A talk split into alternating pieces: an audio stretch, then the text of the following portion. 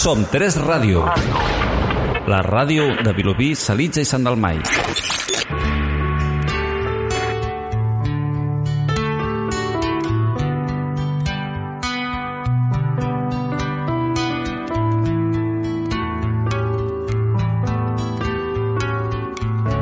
Benvinguts a La Font de l'Ou, el programa d'entrevistes de Som 3 Ràdio, la ràdio de Vilobí, Salitja i Sant Dalmai. Aquesta és la segona edició de La Font de l'Ou i avui tenim com a persona convidada per ser entrevistada la germana Clara Fernández. Benvinguda. Molt bon dia, Pau i bé, Josep Maria. Uh, Pau i bé mm, és el lema de les clarisses, potser només de les clarisses de Vilobí o, o, o de tota l'ordre en general? No, és la salutació que Sant Francesc en el seu moment, estem parlant del segle XIII, va dir tant als germans com a les germanes que volien viure el seu estil de vida evangèlica, doncs que quan anessin pel món sempre saludessin tothom dient que la pau i el bé els acompanyi. Uh... És de tota la família franciscana. Ens pots eh, d'entrada eh, avui podríem estar parlant molta estona. Eh, parlarem sobre la fraternitat de Santa Clara que està ubicada en el municipi de Vilobí d'Unyà eh, has parlat de Sant Francesc Santa Clara, Sant Francesc ens, ens pots començar a discernir a veure eh, quina relació hi ha entre Santa Clara i Sant Francesc? Sí, Sant Francesc i Santa Clara són coetanis, són... tots dos eren de la ciutat d'Assís, a la Umbria italiana, i en el seu moment Francesc va fer un pas, va trencar en la vida que ell portava fins a aquell moment i va iniciar un nou camí. I aquest nou camí pues, eh, era eh, seguir el Crist, el que ell havia escoltat a l'Evangeli, des de la fraternitat, la simplicitat, la pobresa i el tornar a recuperar els valors que poder fins a, en aquell moment s'havien anat perdu, perdent, els valors evangèlics, i Clara, que aleshores era una noieta, pues, bueno, mm, va anar seguint el procés de Sant Francesc i quan ella va arribar als 18 anys doncs va decidir portar la mateixa vida que Francesc, a diferència de que els germans de francès doncs, anaven per tot arreu predicant i, i parlant del regne de Déu i Clara i les seves germanes ho feien des del convent de Sant Damià acompanyant aquesta predicació en la pregària, en la fraternitat, però l'estil de vida és el mateix. Simplicitat, acollida, pobresa... Mmm, bueno, estem parlant de fa... Del 8, segle XIII. Del segle XIII fa 8 800 segles. anys. Sí. 800 anys.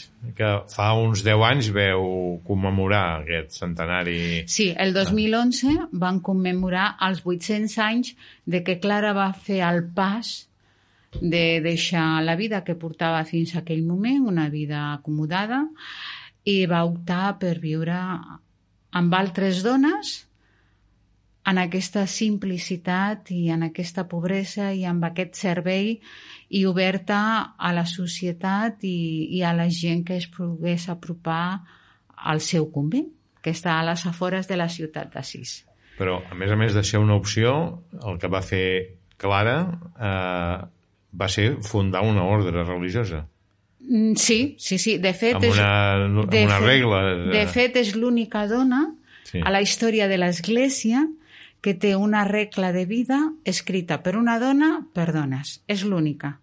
La resta de congregacions femenines que formen part de l'Església Catòlica, totes eh, es regeixen per regles escrites per barons.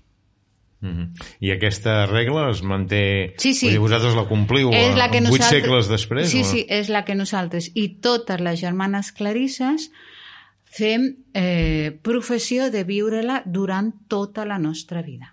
I en què es caracteritza? Quines són els trets més distintius de la vostra ordre?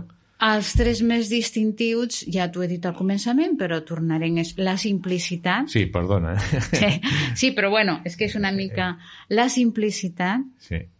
la pregària, viure del propi treball, no posseir res que pugui anar en detriment dels pobres, perquè fins i tot Santa Clara diu um, en la seva regla que les germanes tinguin el seu convent, tinguin el seu espai d'hort i, tinguin, i que si en algun moment eh, no necessiten diguem, tanta terra o el que, que no la cultivin, fins i tot per evitar que mm, acumulem, que tinguem més d'allò que puguem necessitar. Tot el que nosaltres necessitem bé, ens ho hem de guanyar en les nostres pròpies mans perquè, a diferència d'altres ordres religiosos d'aquell moment, eh, ella va optar per viure en pobresa, per tant, no hi havia cap benefactor, entès com a, com a persona que sortia endavant en totes les despeses de, del convent, de la vida comunitària, de tot això que suposa, hem de viure de les nostres mans. Ella diu que totes les germanes, i especialment les que han rebut el do de treballar, que ho facin, que treballin en les seves pròpies mans. Ella va recuperar, i Francesc també, la dignitat del treball, perquè si fem si ens anem vuit segles enrere, el treball era més aviat vist com un càstig que no com un do.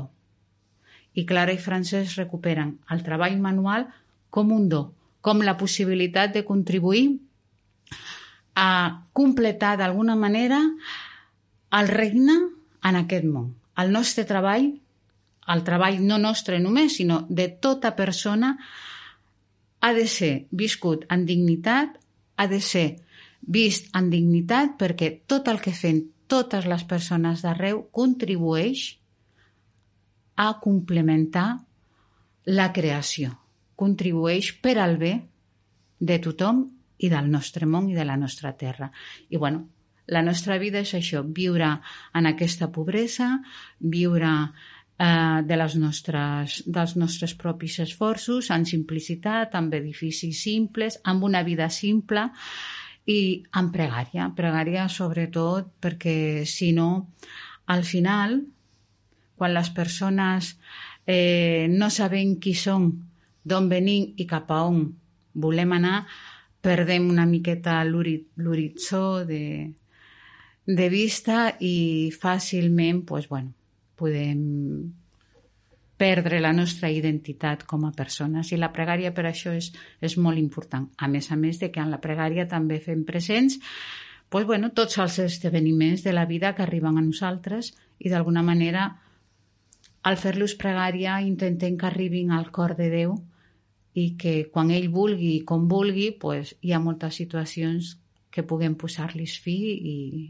i fer-ho així. Avui estem parlant sobre la fraternitat de Santa Clara de Vilobí d'Unyà, estem parlant amb la germana Clara Fernández i anirem mesclant eh, aspectes concrets de la fraternitat que tenim al nostre municipi, però també de l'ordre de Santa Clara en el món i també de la teva vida personal, per dir-ho d'alguna manera, o religiosa. Qui és eh, Clara Fernández? Bé, pues Clara Fernández simplement és una dona que als 17, als 17 anys va sentir d'alguna manera que el camí que Déu tenia per ella era el seguiment del Crist. Jo no coneixia les germanes de res, ni sabia que existien, no tenia ni la més mínima idea de que en aquest... D'on ets tu? Jo vaig néixer a la província de Granada, uh mhm. -huh. però el meu pare, com molta gent, va haver d'emigrar i van viure a Madrid uns quants anys i després, eh, bueno, el meu pare treballava a l'autopista de la AP7 i vam anar visquent per diferents llocs, sobretot la Mediterrània, perquè anàvem a Avançant que... els quilòmetres d'autopista. Nosaltres anàvem, anàvem també avançant, sobretot pues, Castelló, una, València... Una vida convencional. Sí, a Alacant, i jo vaig, vaig venir des d'Alacant. Quan vaig venir aquí a, a Vilobí, venia des d'un poblet de... de Estàvem als 17 anys. Eh? Què, pa 17 què passa als 17 anys? Fins als 17 anys tu ets una nena... Normal i corrent, Normal i, corrent. i, bueno, com tothom. Sí. I, bueno, als 17 anys eh, va haver-hi uns quants esdeveniments, un, un estiu, que és en el que la gent jove solem, solen pues, bueno, ja que no tens estudis i això, pues, vius una mica més, diguem, vas, vens... I, bueno, mm, va haver-hi un esdeveniments amb els amics i, clar, jo vaig pensar això mm, no té sentit. El que estem vivint, el que estem fent, a mi personalment no, no em satisfà. No, no, no és una manera de viure, és una manera de gastar la vida, però no de viure-la. Jo vull viure la vida en plenitud. I, bueno, això va anar fent a mi mai a la vida m'havia plantejat el tema de ser religiosa o no. No tens no. precedents a la teva família? Sí, sí, sí, sí. Això sí, i la meva mare i el meu pare mm, són persones que, que sí, que han anat... Practicant. Sí, sí, sí. Però jo més aviat era rebel. Quan, va, vamos a missa, o vamos... No, no, no, no, no, no. eh, Això que estàs dient és veritat, suposo. Sí, sí, sí, sí. més aviat quan, quan el meu pare em deia ves a acompañar a tu madre a misa, perquè nosaltres hem de parlar castellà. I per què no vas tu? Per què tengo que ir jo? Això, clar, a l'adolescència és, diguem, suposo que és el procés de, de tothom, una mica revoltar-te contra aquells valors que d'alguna manera algú et vol imposar, perquè si no els fas com propis, doncs els valors... Eh... Llavors, què, què passa? Què passa un dia? Que... Un dia, sí, un dia sense més ni més, bueno, havíem estat, bueno, havíem estat a la platja, havíem estat, bueno, mm, passant-lo bé, els amics i les amigues, el dia següent igual, el dia... I ja vaig pensar, no, això, això no té sentit. La vida no pot ser només això. Ens ho hem de passar bé, hem de gaudir de la vida perquè Déu vol que siguem feliços. Jo en aquell moment no entrava en Déu, però ara sí que vol que, que siguem feliços, però no només jo feliç per ser feliç i d'aquesta manera. Si jo sóc feliç, la meva felicitat d'alguna manera s'ha de reflectir en la gent del meu voltant. He de buscar la manera que això sigui així. I bueno, això va, vaig anar fent, bueno, tot un Una procés. evolució. Sí, i com que estem parlant ja de fa molts anys, no és com ara, que els nens i les nenes de 15, de 16, de 17, de 18, diuen, ah, me'n vaig, i els pares, pues, bueno, no tenen més remei que, que dir que sí, com aquell que diu, pues, en aquell moment els meus pares, jo necessitava un espai per, per estar amb mi, no? I se'm va acudir, per casualitat, escriure una tia de la meva mare, que és Clarissa, bueno, ara ja va morir, però és Clarissa Ciutadella, a, a Menorca. Menorca sí i clar, ella em va respondre que una nena de 17 anys per anar sola fins a Ciutadella, tal. Mira, jo conec unes germanes que estan a Girona i tal. I a més a més la meva tia tampoc no tenia massa confiança en mi, també. Ho hem de dir, no pensava que, que bueno... I em va donar l'adreça d'aquestes germanes. Mm, aleshores els meus pares no van tenir cap inconvenient, van anar un germà a buscar-me, em va acompanyar fins aquí Sí que recordo que el meu germà, no sé si és que intuïa alguna cosa, em va dir això no és una vida per tu, perquè els meus germans sí que cap dels dos són, estan batejats, però res més. No són creients i, a més a més, també de vegades són una mica crítics, no? Amb, en l'Església i, i amb els valors que en aquest sentit han rebut a, a casa. Estàs parlant aproximadament de quin any que tu arribes a, pues a Girona? Estic parlant de l'any 79. 79. Uh És a dir, que fa... la, la fraternitat actual de Vilobí ja està en marxa. Sí, ja està. Tu ja arribes ger... aquí. Sí, les germanes van venir l'any 74. Però tu no arribes com a monja, arribes com, no, no, com, com a què? Jo simplement venia doncs, per trobar aquest espai fora de l'ambient en el que em movia habitualment per intentar donar un sentit ple al que jo experimentava per dins. I aquí, pues, la veritat és que va ser així.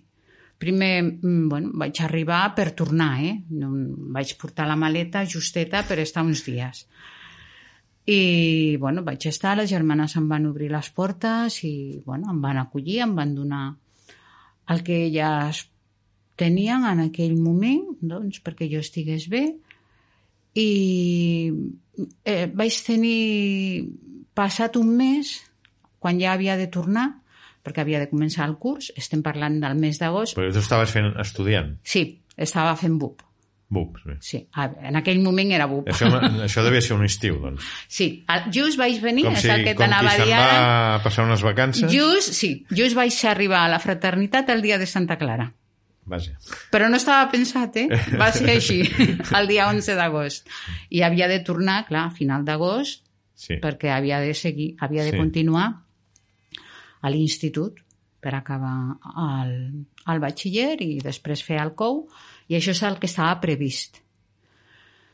Però, mm, bueno, mm, un dia mm, em trobava jo, estava, bueno, estava sola, estava pensant, estava reflexionant i vaig experimentar dins meu no sabria exactament com expressar-lo, però el convenciment de que aquest era el meu lloc. Era el teu lloc.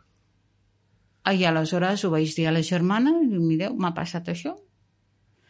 Jo penso, és, he sentit aquesta força interior que, i aquesta veu interior que diu aquest és el teu lloc. Jo vull que estiguis aquí, no? I els hi vaig dir, elles bueno, van dir primer hem de, bueno, has de preguntar als pares a, perquè clar, als 17 anys mm, Sí, sí, Era encara menor ets menor. era menor d'edat i bueno, s'ha de fer tot el... I bueno, clar, els meus pares, cap problema. Això sí que haig de dir que tant jo com els meus germans, les opcions que hem pres, els meus pares, els hi hagin agradat o no, sempre les han recolzat. Això és també una sort en aquest sentit. Pues van dir que sí.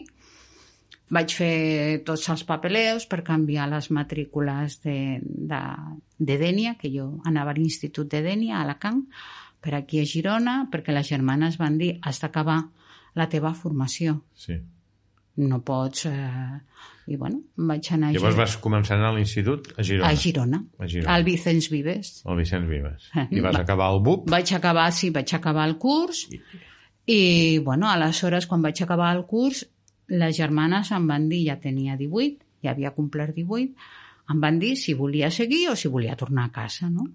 Perquè quin és el, el procés eh, lògic que hi ha? Vull dir, es, es passa de no ser monja a ser monja? No, són sis anys. Sis anys. Són sis anys de formació, que ara actualment s'han convertit en nou. Nou Quan anys. jo vaig entrar eren sis.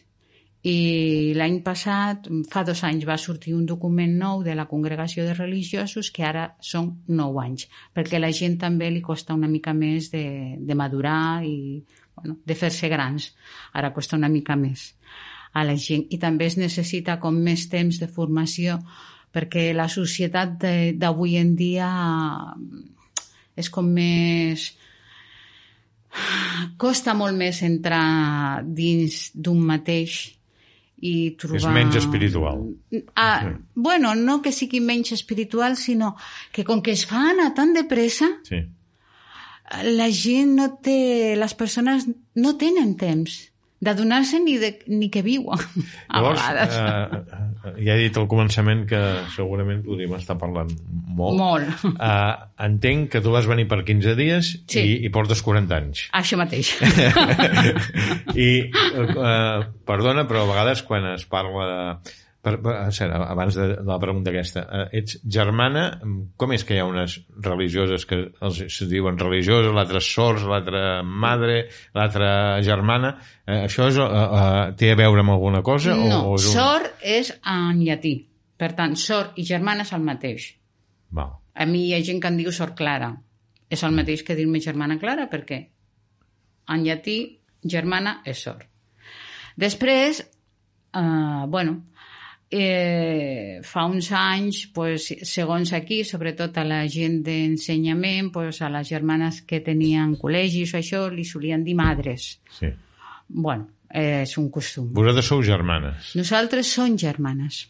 Molt bé. I continuo fent algunes preguntes que a ulls de les persones que no estan no són coneixedors, jo, jo mateix, de, de la vostra manera de fer i de, uh, hi ha el tema de, de l'hàbit. Ara, com que això és ràdio, explico que tu estàs aquí amb, no, no amb un hàbit de monja, estàs amb una brusa, una camisa, uh, I llavors, si ara jo vingués a la fraternitat, us trobaria a totes les germanes amb la mateixa model de camisa? O, o No. com ho teniu pensat, això? Home, la camisa... Perquè a vegades quan s'us veu pel carrer a diverses, sembla que totes aneu com... Bueno, Perdona, eh? No, no, jo li dic uniforme, segurament té un altre Sí, nom. nosaltres per sortir al carrer vam agafar en el seu moment, bueno, nosaltres jo encara Sí. no hi era, les germanes van agafar el color gris per, per discret i per una raó també, perquè roba, roba grisa sempre es troba. Sí. Normalment, si l'has de comprar, pues, el color gris és un color que es ara, troba. per exemple, les germanes de la fraternitat de Santa Clara pues de si anessis ara, Sí. trobaries segurament, perquè avui estem netejant el bosc, Sí. les trobaries amb el xandall i amb els esportius. Amb el xandall i amb... els esportius, Ah, perquè ja estem... Ara a l'estiu netegem el bosc. Sí, sí. I hem aprofitat, sempre ho fem per la plec de Santa Clara i encara que aquest any no s'ha pogut celebrar dissortadament, pues, el bosc s'ha de netejar. A les més ho joves les trobaries ho feu vosaltres. Sí. A les més joves les trobar... Bueno, jo els hi he dit que ho Sí. deixin perquè fa un calor que mata, Sí. no sé si m'hauran fet cas. A les més grans, pues, eh, bueno, No, no, elles ja, lògicament, pues, amb, amb la roba que anem per casa. Estem en temps de... Bé, de, de tota manera, el gris aquest que portes... Sí, per eh, sortir al carrer. Però es veu que ets una, una monja, Sí, si vas pel carrer, eh? sí. Uh, estem en temps de Covid, aquesta entrevista l'estem fent amb tapaboques, amb mascareta, Mhm. tant Com ho hem tu de fer. com jo, com s'ha de fer, a més a més amb la distància, Mhm. però en el cap portes cobert. Com, com es diu aquest? Un vel, es diu. Un vel. Un vel sí que tradicionalment des de l'antiga església pues, bueno, les dones que feien opció de vida consagrada per distingir-les de les altres dones els hi posaven un vel. Mm -hmm. Pues, I això ha quedat al llarg de la història de l'Església com un signe de consagració en tota dona que vol seguir l'Evangeli. Actualment hi ha congregacions que han optat per no portar el vel, perquè bueno, hi ha qui diu que és un signe masclista. Pot ser sí, jo no... En qualsevol cas, el vostre és un vel discret, no, no també del mateix color, Mhm. perquè a vegades tenim la imatge de monges eh, amb hàbits eh, més... Bueno, menys discrets, per dir-ho d'alguna manera. Bueno, però saps què passa? Que en la vida consagrada passa com en la vida dels pobles. Mhm. Sempre hi ha gent que s'agafa el que sempre s'ha viscut perquè els hi dona seguretat i hi ha gent que diu, doncs pues vinga, hem d'anar avançant poquet a poquet, respectant, però hem d'anar caminant. I bueno, i... I, I les monges clarisses de tot el món, mm, us identifiqueu, per exemple, Mira. pel vel o... o sí, tam- prac- no, bueno, no, no. Ara hi ha comunitats que s'han tret el vel, que porten Sí? l'hàbit però que s'han tret el vel. A la, a la vida franciscana hi ha una cosa que a mi m'agrada molt, molt, molt, molt, i que ara no està de moda, perquè ara això ja ha passat, però a mi m'agrada moltíssim. Hi havia un, un estudiós franciscà, un frare, que deia que el franciscanisme és l'anarquia triomfant. Ja, I, I, per tant, hi caben tots. ja. Les germanes que porten bé, les germanes que no porten bé, les germanes que porten aquells hàbits més tradicionals que hi ha, a Espanya hi ha, a Itàlia són moltes. Si després ens anem a, a les, diguem, a, la, a Àfrica o, o a Àsia, ja la gent no, és, no porten aquests hàbits tan tradicionals, sinó que més aviat els porten com, com el portem nosaltres, simple, perquè en definitiva Santa Clara l'única cosa que diu és que quan entrem a formar part de la comunitat ens, vis, ens vis, Vestim. vestim amb vestidures senzilles i pobres. No té cap més norma que, que aquesta. Recuperem una mica el fil, estem a, a l'entrevista de la Font de l'Ou a, a la ràdio, a Som 3 Ràdio, la ràdio de Vilobí, Salit i Sant del Mar, i avui parlant amb Clara Fernández, que ens està explicant un munt de coses, eh, gràcies per tot el que ens expliques. Uh, com era la fraternitat de Vilobí d'Unyà de les monges clarisses quan tu vas arribar fa 40 anys i ara què? Puc dir-te una cosa? Digues, No som monges. què he dit malament? Nosaltres som germanes. Germanes. Ah, llavors explica'm. Perquè les monges més aviat es relacionen amb la tradició monàstica. La tradició monàstica són benedictins, cistercencs, eh, bueno, tota aquesta gent eh, que, que procedeix de la regla de Sant Benet. Nosaltres, a diferència d'aquestes famílies, són germanes. En nosaltres eh, això és molt important. Per Francesc i per Clara, la persona que entra a formar part de la seva fraternitat no ho fa perquè tingui un estatus social, sinó que ho, fa, que ho fa com a germana, perquè només tenim un pare, que és el pare del cel. I, per tant, tots els que formem les fraternitats o la família franciscana són germans i germanes. Jo sempre dic, nosaltres no som monges, som germanes. Doncs molt bon aclariment. Eh, jo també t'he de dir una cosa. Mm, és possible que hi hagi unes germanes clarisses tanmateix a Barcelona que estan residint en un monestir. Sí. Sí. En un gran monestir. En un gran, a Pedralba. Clar, això és fruit, és fruit d'un moment històric. Sí. Estem parlant del 1300 i pico, estem parlant de fundacions reials. Sí. Això ens porta a la pregunta, o, o el, el tema de conversa que anava. Vosaltres, en lloc d'estar en un monestir, que pot ser un lloc molt senyorial o, o amb molta història, amb una pedra noble, vosaltres esteu més a la natura. Mm. Que, com, és, eh, com, com era la fraternitat que vas trobar fa 40 anys i, i ara? Què, què, quins canvis més significatius hi ha hagut? Quins... Bueno, eren 40 anys més joves. hi ha encara alguna germana que sí. quan tu vas arribar... Totes, totes. totes. Uh, bueno, totes menys dos que ja eren molt grans, però pràcticament totes les germanes, perquè nosaltres procedem, uh, la comunitat procedeix de Girona, de sí, Sal. Sí, de Sal, sí, sí eh, totes les que estaven a Sal estan ara. I què ha canviat bàsicament en 40 anys? No de, les, de, de la manera de fer, de, de, del tracte entre vosaltres, de, de les... Eh, de, de les Del tracte entre nosaltres pràcticament mm, res, perquè la vida de família bueno, vas creixent, eh, a vegades bueno, hi, ha, hi ha germanes que necessiten que tinguem una mica més de cura d'elles, pues, bueno, això sí que en aquest sentit ha canviat una mica. Sobretot el que ha anat canviant és la relació amb les persones. Quan les germanes van arribar aquí, pues, pràcticament no coneixien ningú, el món era, bueno, elles i poc més. Poquet a poquet pues, han anat, hem anat establint vincles amb la gent del nostre poble, hem anat establint vincles bueno, molt més enllà, molt més en fora dels murs de la fraternitat. Clar, això ha canviat molt perquè ja et dic, els primers anys pues, eren les germanes i, i poc més i tres, quatre persones que, que coneixíem, però... Tu ets la més jove en aquest moment? No, no la més jove és la que actualment és l'abadessa, la germana Rita. És el, el, el títol, el nom és abadessa. Sí, sí, sí, ja t'he dit sí. que no eren monges, però aquest títol sí que el tenim de la tradició monàstica abadesses. Molt bé. I en el món, quantes clarisses, germanes clarisses sou? Aproximadament? Una... L'última estadística que, a la que jo vaig tenir accés eren unes 10.000 germanes. Són l'ordre contemplativa femenina més nombrosa a l'Església. Mm. Vosaltres no sou monges, ai, perdó, no sou germanes de clausura.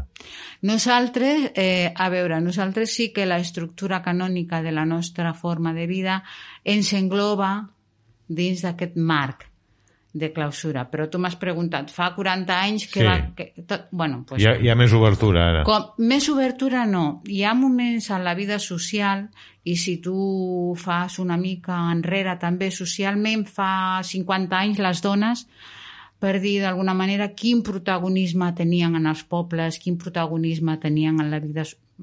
Poc. Mm -hmm. Sempre hi havia alguna, però i si ens anem 60 o 70, pues, la dona estava mm, a casa. Més Tant, amagada. Mm, bueno, era més invisible. Eh, sí, estava a casa, estava fent... pues clar, també podrien dir és que les dones també portaven una vida de, de clausura, entre cometes, mm. no?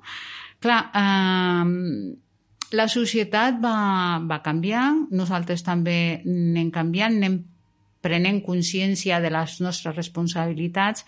Per tant, la clausura, en un moment, bueno, mm, va ser una estructura que poder va anar bé per protegir la feblesa, diuen, del sexe dèbil, que diuen que són les dones diuen, jo no m'ho crec. Tens un llenguatge molt feminista, eh? No, no, no. No, feminista no. Jo crec que la no, no, dona no, no, com a dic... dona té les seves febleses i sí. té les seves fortaleses. I l'home com a home té les seves febleses i té les seves fortaleses. No són ni sexe feble ni sexe fort. Fort. Som iguals. I cadascú tenim, afortunadament, les nostres diferències i les nostres riqueses i les nostres públiques. Aquella imatge de la clausura, que potser era una caricatura de realment una clausura Bueno, total, eh, has de pensar- per una reixeta i no Mira, has de pensar que si parlem del ha existit segle? XV... Sí. Sí, sí, del segle XV, segle XVI, segle XVIII... Clar, um, hi havia també molta inseguretat a nivell social. Pues clar, quan vivien un grup de dones juntes, d'alguna manera el tenir els murs alts, el tenir... Era també protegir-les, en Correcte. aquest sentit. Però clar, això ha de canviar. La clausura és, ha estat un mitjà en aquest sentit, però avui en dia, i al final, a nivell espiritual, de vegades s'ha convertit en una fi. I la clausura mai pot ser un fi en si mateixa. La clausura és un mitjà, jo t'he parlat abans de la pregària, no? Per exemple, nosaltres a casa, quan venim, quan ve la gent, pues, obrin les portes. Però hi ha uns espais que són propis, que són nostres. Diguem, hi ha uns espais de clausura, igual que tota família, perquè necessitem una intimitat, necessitem un lloc on trobar-nos com a família i necessitem un espai on podem pregar i trobar-nos en nosaltres mateixes per poder-nos trobar en Déu. La clausura, en aquest sentit, és bona. Quan la convertim en una fi i que ens aïlla de la resta del món, no és bona. Ara, canònicament, responent a la teva pregunta, a nosaltres ens tenen l'Església dins d'aquest marc. Però, afortunadament, a la nostra Església de Girona són molt respectades en aquest sentit i, bueno, acompanyen el nostre camí en aquest sentit. Mai hem tingut cap dificultat. Quantes sou a la fraternitat de En Santa Clara moment de Vilobí? som 11 germanes. 11. I com és el dia a dia? Uh, si és que hi ha un dia a dia que es Sí, pogués... home, habitualment la estructura del dia és ens llevem, ens arreglem... Quina hora? al- ens llevem a dos quarts de set. De 7. Sí. Bueno, ara com estem en vacances, ens deixen aixecar-nos a l'hora que vulguem. Ens deixen. Sí, la Mare Abadessa ens ha donat permís. I a les 9 del matí tenir l'Eucaristia. Com que arribem a puntuals a l'Eucaristia, ens deixa descansar. Aquestes dues Sí. setmanes ens de... també necessiten descansar una Sí. mica més perquè, bueno, aquestes dues setmanetes d'agost ho fem així, però habitualment a dos quarts de set. Després anem a la pregària, que per nosaltres és el pilar fonamental i el que dona sentit a tot el que fem durant el dia. Mm, A, la, a dos quarts de nou ve mossèn Esteve, celebrem en comunitat l'Eucaristia. Això i diàriament. el dia a dia, sí. I després anem a la feina. Fins l'hora de dinar. Després de dinem i a la tarda pues, mm, més aviat la tenim lliure entre cometes perquè durant el curs pues, bueno, hi ha una tarda dedicada en si trobem les germanes perquè fem la nostra formació, hi ha una tarda dedicada també que cadascuna pugui disposar del seu temps pel que pugui necessitar. Els diferents dies de la setmana, per, a les tardes, ho tenim dedicat a, a coses eh, diferents que, que, bueno, que anem fent. I, I després sí. ens tornem a trobar a dos quarts de set de la tarda per la pregària. A les vuit mm, sortim, sopem, ara a l'estiu sopem allà fora, no sé si coneixes una Sí. mica la part del darrere, sopem allà fora, estem una estoneta més. A l'hivern normalment sopem i mm, a les 9, quarts de, de 10, pues, bueno, hi ha qui li agrada veure les notícies, el telenotícies, pues va, el veu, però normalment ens recollim aviat perquè bueno, també és un temps per poder llegir, per poder... Et volia fer alguna pregunta més sobre el dia a dia, però ara que dius això, eh, mira- mirar la televisió, per exemple, a aquesta hora només. Hi ha una germana que l'agrada fer la migdiada i se'n va a una sala que tenim, que està a la tele, se la posa i diu, és que em fa de nana. Però vull dir, el contacte, eh, disculpa que t'ho digui d'aquesta mm. manera, el contacte amb les coses que normalment preocupen a una gran majoria de la gent que no mm. està dins de la fraternitat, com mm. és la música, el futbol, la política, tot, tot això eh, us interessa o ho seguiu? El futbol a mi no m'agrada, però hi ha una... L'abadesa és forofa de l'Oporto. De l'Oporto? Clar, perquè és portuguesa. I si no, juga a l'Oporto del Barça. Però, bueno, allà l'agrada el futbol i de tant en tant diu, bueno, ara aquest, ha... em sembla que el Bayern de Múnich ha ganat la Champions. Sí, mira, eh? estàs al dia. Sí, no, sí. jo no, ella. Bueno, Diu, va guanyar la Champions després d'eliminar el Barça, eh? Ai, Amb un pobra, això no ho va dir. bueno, pues, D'una manera escandalosa. Uh, sí. bueno, per exemple, no? pues amb ella l'agrada, però simplement a vegades mira els resultats, no es posen, no ens posem a veure un partit de futbol, ni... Bueno, jo no perquè no m'agrada, però ella i una altra germana que sí que els hi agrada, doncs no. El que sí que l'agrada és veure les notícies als esports, per veure com van. Bueno, si pot, el veu, però ara, per exemple, a l'estiu, doncs va a regar les plantes perquè a la nit diu és la millor hora per regar les plantes, ja m'enteraré si guanyen o perden. El tema que estem visquent ara, el Covid, Sí. això sí que eh, est procurem estar pendents de com va, de què és el que passa, i bueno, procurem estar informades no només per la televisió, que de vegades és una mica... Bueno, no sempre diu les coses... No sempre és fiable. No, no sempre.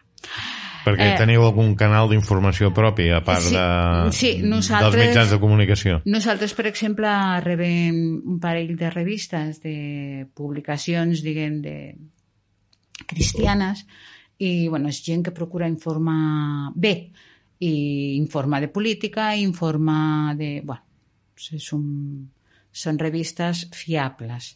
I ens agrada una mica contrastar els mitjans per una banda i aquestes notícies que rebem per l'altra, això en aquests moments sí que ho fem. I també a nivell polític, perquè la situació també és una mica complicadeta. I, per exemple, música, eh, alguna vegada eh, sona música dintre de la fraternitat? Sí, o... hi ha moments en els que, per exemple, quan anem a pregar, Sí. doncs ens agrada posar música Sí, abans de fer la pregària, diguem, o bé, mira, per, per relaxar una mica, ara que, que resem a vegades fora, pues a vegades posem una miqueta de música abans de començar o fem una petita dansa, fem... Bueno, sí, sí, sí, per suposar. molt bé. Uh, no sé si estem dispersos o t'està interessant per on van les preguntes. Si puc respondre, eh, més que res, bueno, si és una oportunitat La- també perquè la gent pugui Sí. conèixer ha- una mica més. Hi ha dos aspectes dels que a l'inici de l'entrevista potser te'ls he preguntat més d'una vegada, però és el tema de la pobresa i després el tema de la vida contemplativa. La vida contemplativa imagino que amb el ritme que porta la vida mm, Social. no la vostra, sinó la, La vida societat. de la societat, suposo que cada vegada és més complicat, més difícil, més, mm, més, més complicat, vaja. A veure, nosaltres tot aquest ritme, sí, realment, accelerat. Però què, què vol dir vida contemplativa? Eh, És observar. Eh, Sí, és eh, tenir el cor obert a escoltar aquesta paraula de la societat que ens envolta. Per mm, nosaltres eh, poder-la fer nostra i d'alguna manera eh, intentar que això mm, pugui retornar a la societat amb més serenor. però, eh, bàsicament estem parlant de, Sobretot de les en els- coses petites. De les... Sí, en els contactes que tenim quan la gent ve, no? pues aquest accelerament intentem de dir, bueno, no val la pena que ens accelerem d'aquesta manera. No ens adonem, ja t'ho he dit abans, no ens adonem de què vivim. Gastem la vida. Val, val la pena gastar la vida? Només tenim una vida. La vida l'hem de viure. Clar, i aquest mitjà de, de la vida contemplativa, que en definitiva és el nostre espai de, de pregària, jo crec que sí, que, que, que dona, que retorna... Mmm, poder no veiem els fruits així, perquè com que estem acostumats al mm, voler, tenir i ser, A vosaltres també us passa? Aquest frenesí, aquesta procurem que no, immediatesa? procurem que no. Però de vegades Però sí també que... us entra per la finestra. i Sí, de vegades dius, ai, mira, jo que m'he esforçat tant amb això, tingui... I, i no es veu res, no? Estem aquí, a vegades dius, ai, estem aquí donant tot el millor que tenim i, bueno, hem tingut un problema, hem tingut... Dius, ah, vulguis que no, també. Però després tenim com, com aquesta eina de, de la pregària que ens ajuda a dir, pues no, no és el moment oportú perquè les coses, mm, a més, el que s'aprèn, diguem, des d'una vida més serena és que les coses succeeixen en el moment que han de succeir. Ni abans ni després. Tant el bo com el que no és tan bo. I sempre passen per alguna cosa. I hem de tenir la capacitat de tenir aquesta memòria per tornar a relegir aquestes experiències que poder són, no són tan gratificants des de mm, aquesta dimensió de viure la vida en plenitud. Que nosaltres ho fem il·luminades per la paraula de l'Evangeli, per la paraula de Jesús. Hi ha gent que pica a la porta de la fraternitat per trobar una mica de la vostra manera Sí. de... Sí. No, no, no per fer-se germana ni... No, no, no, no. Picar a la porta i, per exemple, per passar uns dies o per unes hores o Sí, conversar sí. o Sí, com... sí, sí, sí, sí. Hi ha gent que ve, bueno, mm, simplement perquè necessita ser escoltat o escoltada.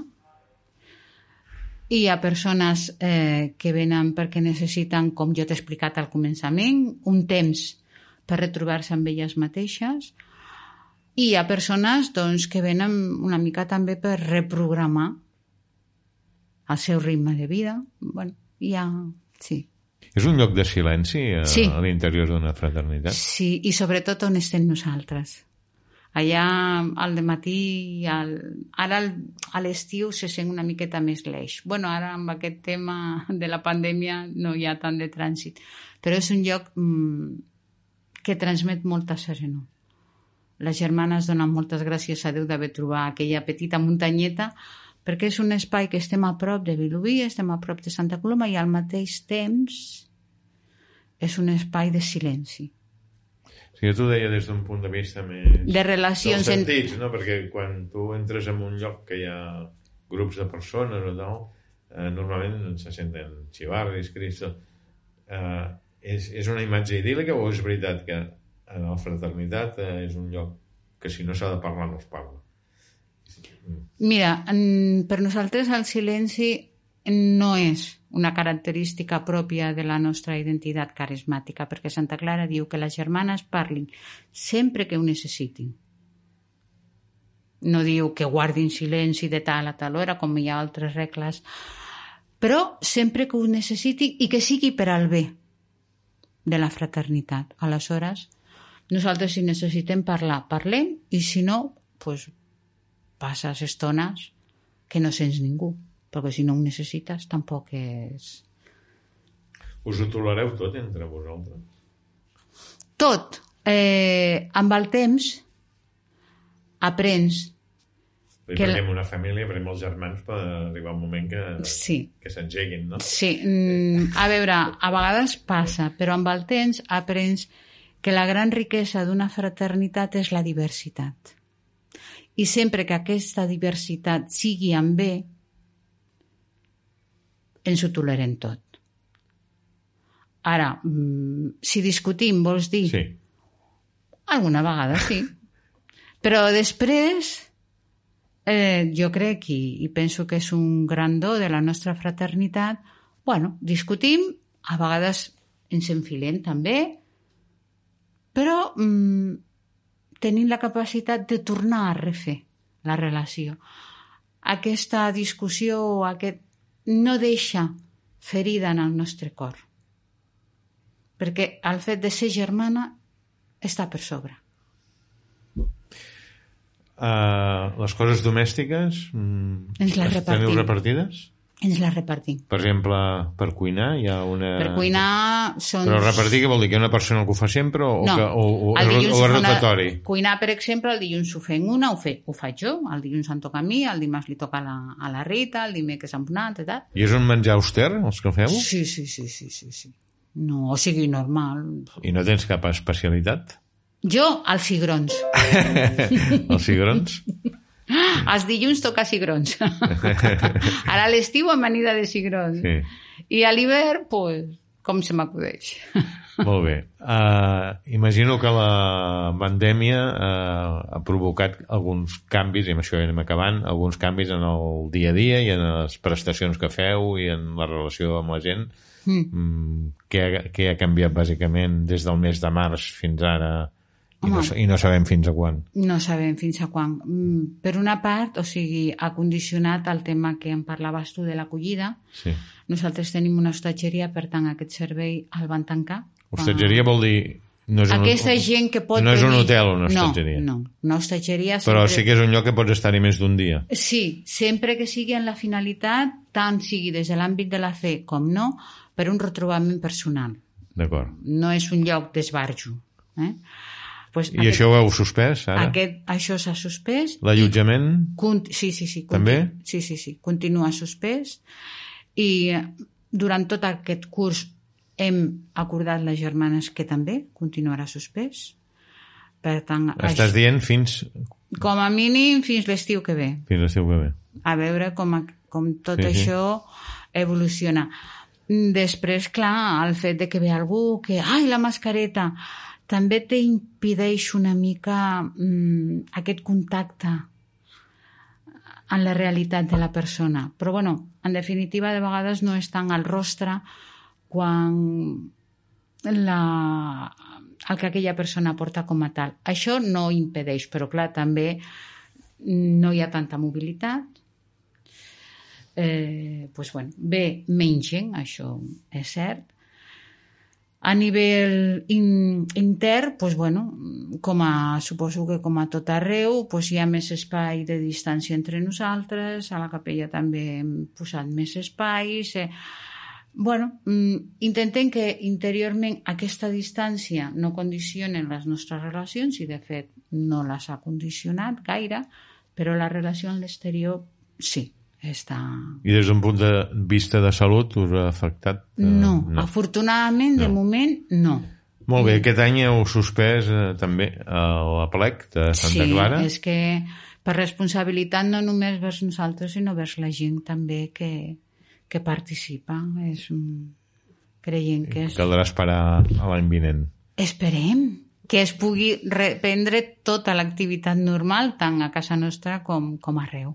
Molt bé, Clara Fernández, confio que aquesta entrevista hagi servit pues, per donar a conèixer una mica més qui sou, què feu, com és casa vostra, eh, perquè a vegades hi ha segur persones que simplement durant molt de temps l'únic que sabem de la fraternitat és que hi ha un indicador a la carretera que diu amb una fletxa que diu fraternitat però mai han tingut la curiositat de saber exactament què és és un, un convent una fraternitat convent.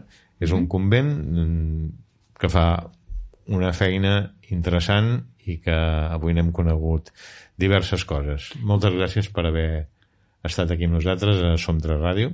Moltes gràcies a tu, Josep Maria, per donar-nos aquesta oportunitat. És la meva veu, però és el sentit de totes les germanes i aprofito per desitjar-te a tu la pau i el bé, personalment, també a les persones que fan aquesta ràdio i, per suposat, doncs, a tots els oients que ens estan escoltant, que tingueu un bon dia i que la pau i el bé del Senyor us acompanyi sempre. Com que no he portat el guió, se m'havia oblidat una pregunta que, aprofitant que ja estem acabant, te la faig.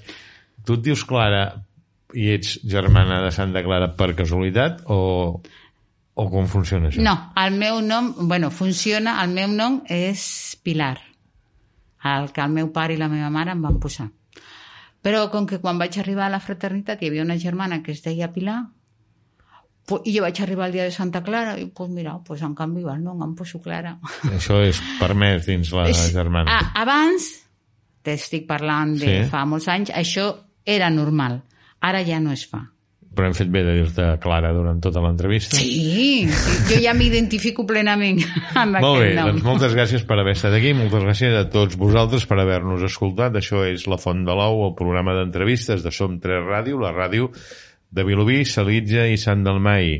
Eh, ens acomiadem la Laia Ferrer, que és la responsable del control tècnic, és la que ha fet possible que ens hagi pogut escoltar, que ens podeu escoltar sempre que vulgueu, i us ha acompanyat Josep Maria Pasqual. Mm, Bon dia o bona nit, depèn de l'hora que ens escolteu. Fins a la pròxima vegada.